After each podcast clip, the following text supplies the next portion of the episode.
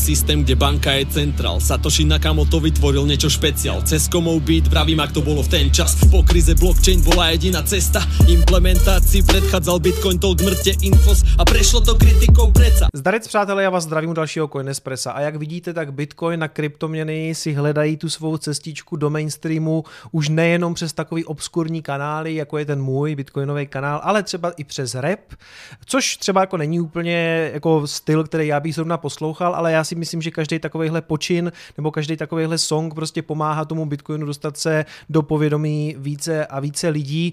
Vím, že třeba minulý rok se mluvilo o tom, že o Bitcoinu repoval i Eminem a myslím si, že do budoucna Bitcoin se stane tématem, který eh, umělci budou řešit ve svých dílech a nemusí to být zrovna třeba rap, ale může to být prostě, já nevím, nějaká grafika nebo cokoliv jiného, protože umělci často řeší něco, co je v tom současném světě trápí a já si myslím, že ty současné peníze jsou taková věc, eh, o které by se mělo mluvit, respektive mělo by se mluvit o kryptoměnách Bitcoinu jako něco, co je potenciálně může nahradit. Přátelé, dost bylo úvodního povídání, pojďme na graf. Mimochodem, přátelé, dneska už jdem na novou kameru, respektive foťák na Canon M200. A už se těším na všechny hejtry, které budou psát zase do komentářů. No tak já teda žádný rozdíl nevidím, to byly vyhozený peníze, kicome. Každopádně důležitý je, že já vidím rozdíl. Teda doufám, že ho vidí i spousta z vás. Každopádně na čem taky vidím rozdíl je cena Bitcoinu, která nám pěkně vypumpovala vlastně dneska ráno, to bylo myslím kolem 9600, takže tady vidíme nějaký break z toho trouhelníku. Nicméně, já bych si teda jako moc neradoval, protože žádnou velkou sílu to nemá. Když se tady podíváte na ty objemy, tak to nejsou úplně ty objemy upřímně, které jsem jako já chtěl vidět. Já jsem chtěl vidět fakt jako nějakou rozhodnou svící o tisíc dolarů. Neříkám, že mě to netěší, ale ještě si nemyslím, že bychom byli úplně z lesa venku. To prostě klidně se tady může propadnout a zahučet zpátky. I když jako eh, fundamentálně nevidím moc důvod, klidně to může teďka pokračovat, ale eh, jako pravda je, že úplně nějaká super rozhodná svíčka to nebyla a úplně to nepovažuji tak, že bychom tuhle tu trendovku nějak super prolomili, protože jak vidíte, my jsme nad ní byli i tady a zahučeli jsme zpátky, takže jak říkám, ještě bych počkal s nějakýma velkýma oslavama.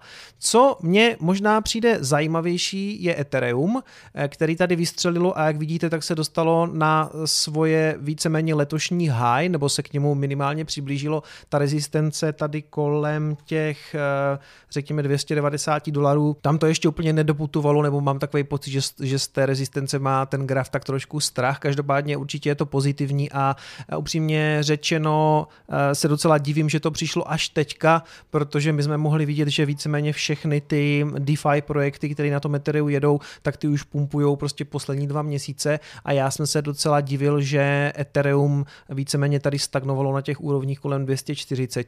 Takže určitě dobrá zpráva pro všechny, co držíte Ethereum, včetně mě a myslím si, že ten trend je jasný. To, to, DeFi, to DeFi je prostě v kurzu a Ethereum slouží jako podkladová platforma, takže já bych se vlastně fakt divil, kdyby to nešlo nahoru. Jo? Zase, jak říkám, pokud by přišel pád na akcích, vezme nás to s sebou, jak Bitcoin, tak Ethereum.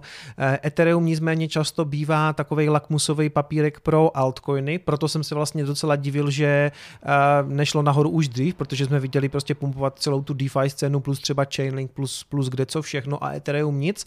Takže určitě pozitivní zpráva, eh, docela dobře se mi na to dívá a navíc si myslím, že to souvisí s tím fundamentem okolo Etherea a to bude první zpráva, na kterou se dneska podíváme.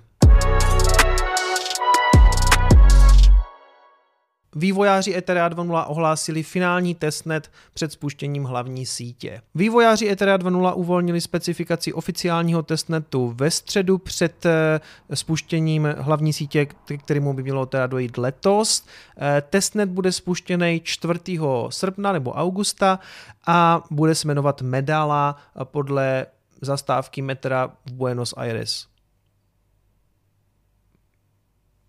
Tam jde víceméně o to, že Ethereum předtím, než přejde na Ethereum 2.0, než přejde na staking, než bude prostě všechno fungovat, než se tam rozjede ten beacon chain, než se tam rozjedou všechny ty shardy a tyhle ty věci, kterým já zas až tak moc nerozumím, tak prostě musí projít nějakou fází eh, několika testnetů, než se to všechno vyzkouší.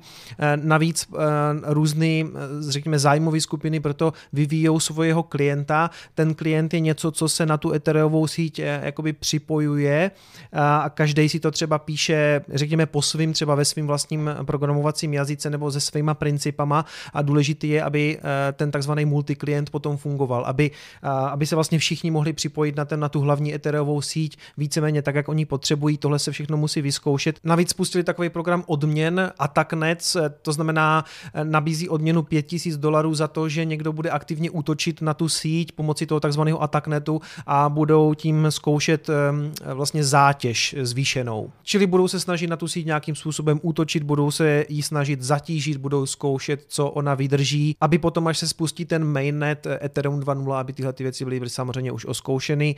A co mě na tom asi přijde zajímavý, je, že tím pádem se dostáváme do fáze, kdy eh, by mělo stačit tenhle ten testnet rozjet třeba na tři měsíce, eh, napsat ty attacknety, všechno to vyzkoušet a teoreticky by skutečně Ethereum 2.0 mohlo fungovat už letos, nebo to je to, co ti developři říkají, že se tím víceméně přibližuje ta finální fáze a skutečně tohle by měl být poslední testnet, ta medala před spuštěním toho hlavního toho hlavní, té hlavní sítě.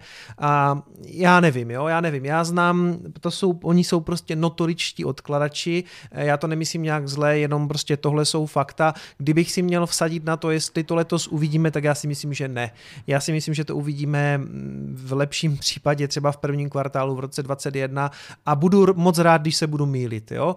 Oni říkají poslední testování, poslední testnet a tak dále, nevím, no, tam zase může prostě přijít něco, že něco fungovat nebude, zase se to spozdí, Vitalik se špatně vyspí a tak dále a tak dále. Čili, hele, určitě dobrá zpráva pro všechny držitele Ethera rozhodně, bude se tam spekulovat na to, že Ethereum 2.0 pojede letos, ale zase byl bych ostražitej, Ethereum není úplně projekt, který by vždycky dodržoval termíny a fakt to nemyslím zle, jenom prostě to je pravda, jo. Takže uvidíme, uh, uvidíme, jestli to, uvidíme, jestli to uvidíme letos. Já typuju až příští rok. Víza. Postupujeme v našem přístupu k digitálním měnám. Hele, to se dá hrozně blbě eh, jako přeložit. Nicméně mm, my jsme se tady bavili už 14 dní zpátky je to, nebo týden, eh, že PayPal do toho jde, že do toho jde Mastercard, eh, do kryptoměn a teď vidíme, že Visa na sebe nenechala dlouho čekat, vydala tady ten blog post na svém blogu, kde nějakým způsobem vyjasňuje jejich přístup ke kryptoměnám. Eh, tady samozřejmě taková ta úvodní věčička. My jako technologická společnost, která zajišťuje globální platby, jsme se vždycky soustředili na doručování největší možné hodnoty lidem, bla, bla, bla, to známe všechno. Koncept digitálních měn, digitální verze hotovosti kontrolovaná pomocí soukromého klíče byla stvořena asi 10 let zpátky s příchodem Bitcoinu. Eh, dneska přicházejí další měny, které jsou krytý eh, fiat měnama, který, se, který nazýváme stablecoinama, což je nějaký, nějaký vzrůstající trend nebo nějaká inovace v platbách a tak dále a tak dále. Visa pracovala a pracuje s licencovanýma a regulovanýma platformama jako Coinbase a Fold a poskytuje jakýsi most mezi digitálníma měnama a existující globální sítí 61 eh, milionů obchodníků. Prostě, hele, eh, ten blogpost neříká nic konkrétního. On neříká, budeme dělat tohle nebo budeme dělat Visa stable stablecoin, nebo budeme dělat, nebo budeme dělat karty, nebo no, karty budou dělat každopádně, ale ne jako, že ve, ve smyslu budeme dělat vlastní kartu s nějakým stablecoinem. Neříkají tady prakticky vůbec nic. Co z toho dokumentu pro mě ale jednoznačně vyplývá je to, že Visa nějakým způsobem uh, to, to téma rozpoznává a říká, hele jo, víme o tom, už tomu asi nemůžeme házet klacky pod nohy, protože future is now. Tady vidíte, že máte prostě tu vizu s nějakým zámečkem a tady na těch kartičkách fakt už jsou jako bitcoiny. Oni se prostě připravují na to, že to přichází a nemůžou to ignorovat. Prostě nemůžou. Oni se zřejmě nějakou dobu snažili i s tím Mastercardem dělat, že od toho dávají ruce pryč, že to je, to nesmysl a tak dále. Jsou ve fázi, kdy to rozpoznali, že už to pryč nepůjde a musí naskočit na, to, na ten vlak nebo jsou v prdeli. Takže celý ten dokument je vlastně o tom, hej, hej, hej, PayPal to dělá, Mastercard to dělá a jestli mi to nebudeme dělat, tak jsme prostě v řiti. Takže, takže chceme jenom všem dát vědět, že o tom jako víme a že na to teďka jako naskakujem. Tady v tom závěrečném odstavci oni potom ještě píšou, že součástí té jejich strategie, že oni eh, to, co budou dělat, všechno chtějí konzultovat samozřejmě s těma eh, regulátorama, s těma lidma, co vytváří ty zákony, že to bude obnášet i nějakou práci na Světovém ekonomickém fóru a spolupráci s národníma bankama, který teď pracují na tom konceptu těch CBDC, těch Central Bank Digital Currency, to znamená v podstatě jakby národních kryptoměn, což je vlastně jako oxymoron, nebo hele, a tak nechme ty centrální banky taky v něčem inovovat, uvidíme, jak kdyby co z toho bude. Uh, je v celku pochopitelný, že oni teď chtějí vytvořit něco ve smyslu, to, co jsem tady říkal, toho kryptodolaru nebo kryptojuanu. Uh, uvidíme, jak si potom tyhle ty měny budou stát uh, jako v tom konkurenčním prostředí s těma kryptoměnama. Z čeho mám trošku strach, že tady ty velké firmy, jako je Visa, Mastercard, PayPal, budou jako dost silně lobovat za nějaký zákony a otázka právě, jak ty zákony a regulace dopadnou. Jo? Ehm, může to dopadnout blbě nějak ve smyslu, že se budou snažit nahrát sami sobě eh, nějaký zákony, kterým jim prostě půjdou na ruku, něco ve smyslu eh, kryptoměny, jo, ale musíte to držet u nějakých jako velkých hráčů, nebo něco takového podivného, já si to teďka nedokážu úplně představit. Jo. Ve výsledku by to Bitcoin nějak neohrozilo, Bitcoin, eh, Bitcoin nemůžete tímto způsobem ovládnout, on si stejně jak kdyby dělá, co chce, ale problém by to samozřejmě byl. Nicméně já si myslím, že i v těch regulačních úřadech nesedí jenom prostě lidi, kteří eh, dělají všechno na objednávku a snad jsou tam i lidi, kteří jsou aspoň trochu rozumní a o tom je víceméně hned ta další zpráva. Banky ve Spojených státech teď můžou nabízet uložení kryptoměn, říká jejich regulátor. Úřad pro kontrolu měny OCC teď umožní národním bankám, aby nabízeli uložení nebo ty custody services, takzvané prostě uložení kryptoměn, eh, uložení kryptoměn v bance. Hele, já vím, to není něco, co bychom jako chtěli. Jo? Já, já taky nechci svoje kryptoměny nosit do banky. Ale důležitý je, že ten regulátor prostě neřekl, že je to celý nesmysl, že je to celý nelegální, že je to nějaký Ponziho schéma. On prostě řekl, je to tady, lidi to mají, pokud to chtějí ukládat v bance, tak je to jejich věc a pojďme prostě udělat regulatorní rámec na to, že to v těch bankách může ležet a za jakých podmínek. Já si prostě nemyslím, že by to byla negativní zpráva. Já samozřejmě vidím na tom krypto Twitteru spoustu hm, takových těch pravověrných cypherpunků, kteří říkají, ne, prostě krypto v bance je zlo. Jo, to je pravda. Nicméně pro mě tohle je daleko lepší zpráva, že se vyjasní ten regulatorní rámec, než aby přišel zákon prostě, že je to nelegální. Jo? Prostě tohle, tohle je to lepší. A zase se vracím k tomu, co říká Antonopoulos, že ta nová technologie musí chvilku jet na té staré infrastruktuře, že tak dochází k tomu technologickému switchi. Takže ano, já si taky nemyslím, že potřebujeme PayPal, že potřebujeme Visa, že potřebujeme Mastercard, ale na, tu krát, na, tu, na to krátké období toho switche je to prostě vlastně ideální věc, protože vemte si třeba ten Bitcoin má prostě problém se škálováním, to je prostě pravda. Lightning Network ještě není tak rozšířená a je otázka, jak dlouho to bude trvat.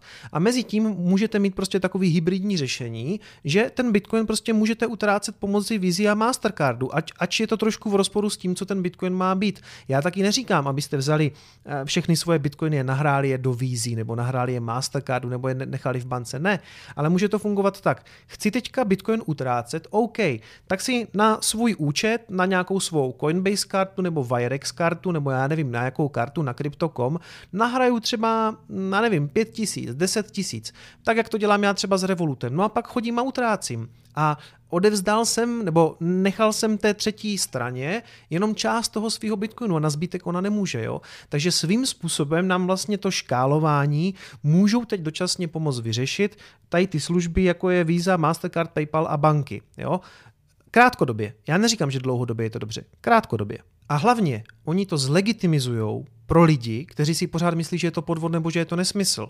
Takže to dostane do toho, do toho veřejného vnímání jako, hele, já už to můžu mít v bance, já už to můžu mít prostě, já už to můžu utrácet vízou, tak to asi jako není podvod, asi to nějak funguje. Mimochodem, do teďka to bylo tak, že eh, kryptoměny nebo s kryptoměnama mohly dělat jenom specializované firmy, které na to měly různé státní licence, proto třeba Coinbase některé mince nenabízí úplně ve všech amerických státech, protože si museli žádat eh, jak kdyby state by state, v každém státě je nějaká jiná regulace zase třeba v největší opruze to údajně v New Yorku. Teď se to zřejmě bude uvolňovat, protože eh, i díky tomu OCC, díky tady tomu regulátory vznikne nějaký federální zákon, jak, jakým způsobem to dělat. A pokud to budou umět banky, tak už potom nebude prostě problém ani pro tyhle ty firmy typu prostě Gemini, Coinbase, aby fungovaly v rámci nějakého federálního zákona. On totiž v tom OCC dělá Brian Brooks, což byl eh, člověk, který předtím pracoval na vysoké pozici v Coinbase a ono to vypadá, že je to takový jako trojský kůň trošku, který samozřejmě může prosazovat jakby zájmy Coinbase eh, v tom, v tom, u toho regulátora v OCC,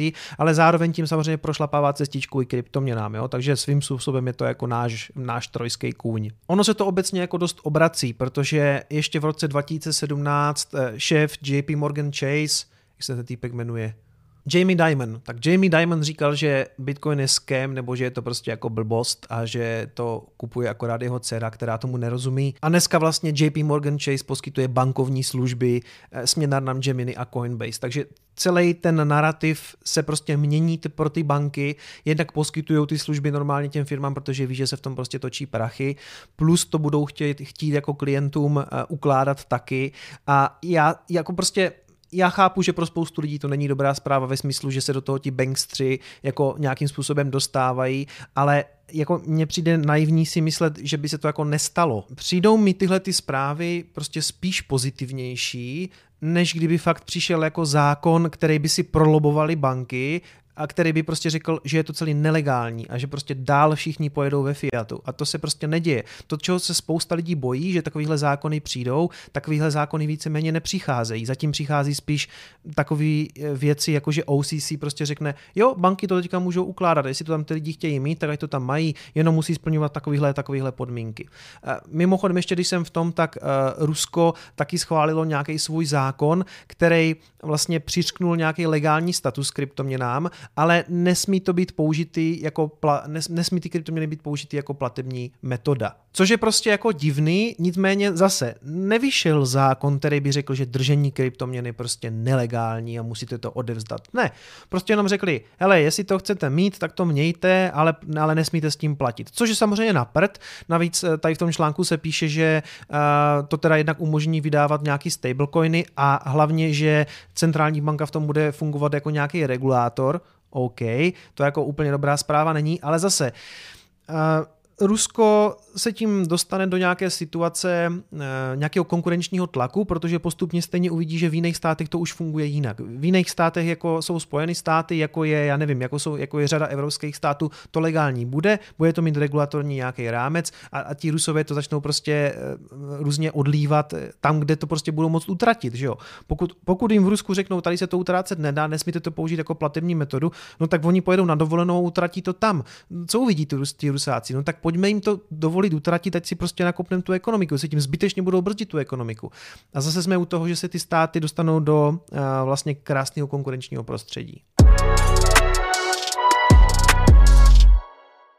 Ještě taková krátká zpráva, než půjdeme na Teslu. Eh, Steve Wozniak, spoluzakladatel Apple, eh, žaluje YouTube za eh, ty skemy, ve kterých se objevuje, protože on tam taky sedí, má tam přednášku a pod ním ty klasické nápisy, pošli Bitcoin, pošleme ti dva zpátky, opět na to tady přátelé upozorňuji, nikam nic neposílejte.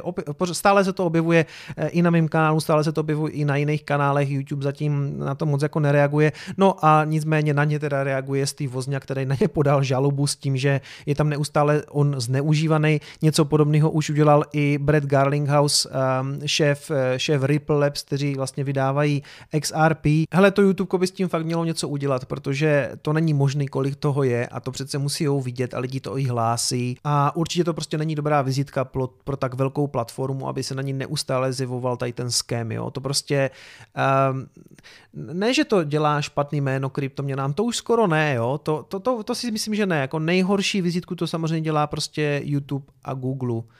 Pojďme na Teslu. Tesla v celku překvapení, protože skutečně byla schopná udělat profit ve druhém kvartálu, což jsem moc jako nečekal, jsem fakt čekal nějakou černou nulu, eh, tak něco jako, že výjdou jako šul nul a i vlastně Wall Street, eh, Wall Street očekávala 14 centů ztráty, to znamená jakoby minus, minus 14 centů na akci a oni vykázali profit půl dolaru, 50 centů na akci, což je super. Aby jsme byli fair, tak je potřeba taky říct, že částečně eh, to byli schopni udělat i díky tomu, že oni prodávají ty, ty regulační kredity, protože ne všechny firmy splňují jak kdyby tu kvotu na to, kolik, protože dneska musíte mít jaký nějaký podíl těch ekologických aut a kdo to nemá, tak od Tesly nakupuje ty kredity, protože ona, ona je prostě stoprocentně ekologická nebo stoprocentně elektrická. Takže oni nakupují ty kredity a částečně tím vykompenzovali eh, ty ztráty, co mají na autech. To znamená, díky tomu byli v plusu. Ale já, já jim to jako za zlý vůbec nemám. Jo? Prostě it is what it is, prostě daj, dají se z toho vyrejžovat peníze, je to, jeden z jejich, je, je to jedna z částí jejich příjmů, tak proč ne? Co mi ale přijde zajímavější je, že i když vykázali nějaký profit, tak ta akcie na to reagovala mm, jako kdyby postupem nahoru, ale asi jenom o 7% a potom se hned zřítila. Jo. Takže nevím, jestli Tesla nějakým způsobem už narazila svůj vrchol, protože ty výsledky jsou dobrý. Ty, ty, výsledky, ty výsledky by měly prostě tu akci poslat výš a já jsem to tak i čekal. A jak vidíte, tak dneska v primarketu se to zřítilo o 100 dolarů. Z 1513, kde to zavíralo včera a teď je to v primarketu na 1436. Takže nevím jestli tam náhodou začalo, nezačalo nějaký praskání bubliny. Nevím, nevím, jako nechci, jestli to pořád držíte, vaše věc. Dneska jsem si volal s jedním eh, svým známým a ten říkal, že už to taky prodal. A podle mě teda jako udělal dobře, ale co já vím, to prostě klidně může jít dál. Ono v primarketu se to vždycky chová ještě navíc trošku jinak. Ten primarket je takový zrádný, takže ono to dneska může otevřít a klidně pokračovat nahoru. Ale překvapuje mě, že s tak dobrýma výsledkama tam spíš jako nebyla nějaká obrovská svíčka. Jo? Nevím, jestli to nezačaly výprodeje. Uvidíme. Každopádně, co ještě Tesla zveřejnila během toho earnings callu je, objevily se nějaké nové fotky z té šanghajské fabriky, eh, kde vzniká nová linka pro model Y, takže ta továrna stále, neustále roste. Eh, dál taky potvrdili, že budou stavět další továrnu v Austinu, to znamená eh, v Texasu. Tam to vypadá, že by se vyráběla, že by byla další linka pro model Y a zřejmě se tam bude vyrábět i Tesla Semi a Cybertruck. Další věc v tom earnings callu Elon Musk naznačil, že Tesla Roadster by se měl začít vyrábět v Kalifornii. To tedy zřejmě znamená zase ve Fremontu, pokud v Kalifornii nevznikne další továrna. Mám pocit, že ten Fremont už musí jako praskat ve švech, protože těch linek už je tam docela dost a oni vlastně někdy minulý léto nebo dva roky zpátky tam venku stavili i ten stan, kdy se víceméně jedna, jedna celá ta linka byla jako v takovým stanu, což bylo jako trošku komický nebo jako hodně zvláštní, řekněme. Teď teda říká, že Tesla Roadster by se měl začít vyrábět během jednoho roku nebo roku a půl, eh, což mimochodem oni údajně říkali, že se měl vyrábět, myslím, už v roce 2020 to jako tradičně, oni jsou takový odkladači podobně jak eh, Ethereum, takže mm, v roce 2020 určitě neuvidíme. A poslední zajímavá zpráva, která vzešla z toho earnings callu, byla, eh, že Musk víceméně potvrdil, že přijdou dvě další nový auta, eh, potom co se začne vyrábět Tesla Cybertruck a to by mělo být něco ve smyslu malého kompaktního vozítka, podle mě něco, co by mělo oslovit hodně, řekněme, jednak azijský zákazníky a jednak takový ty evropský městský.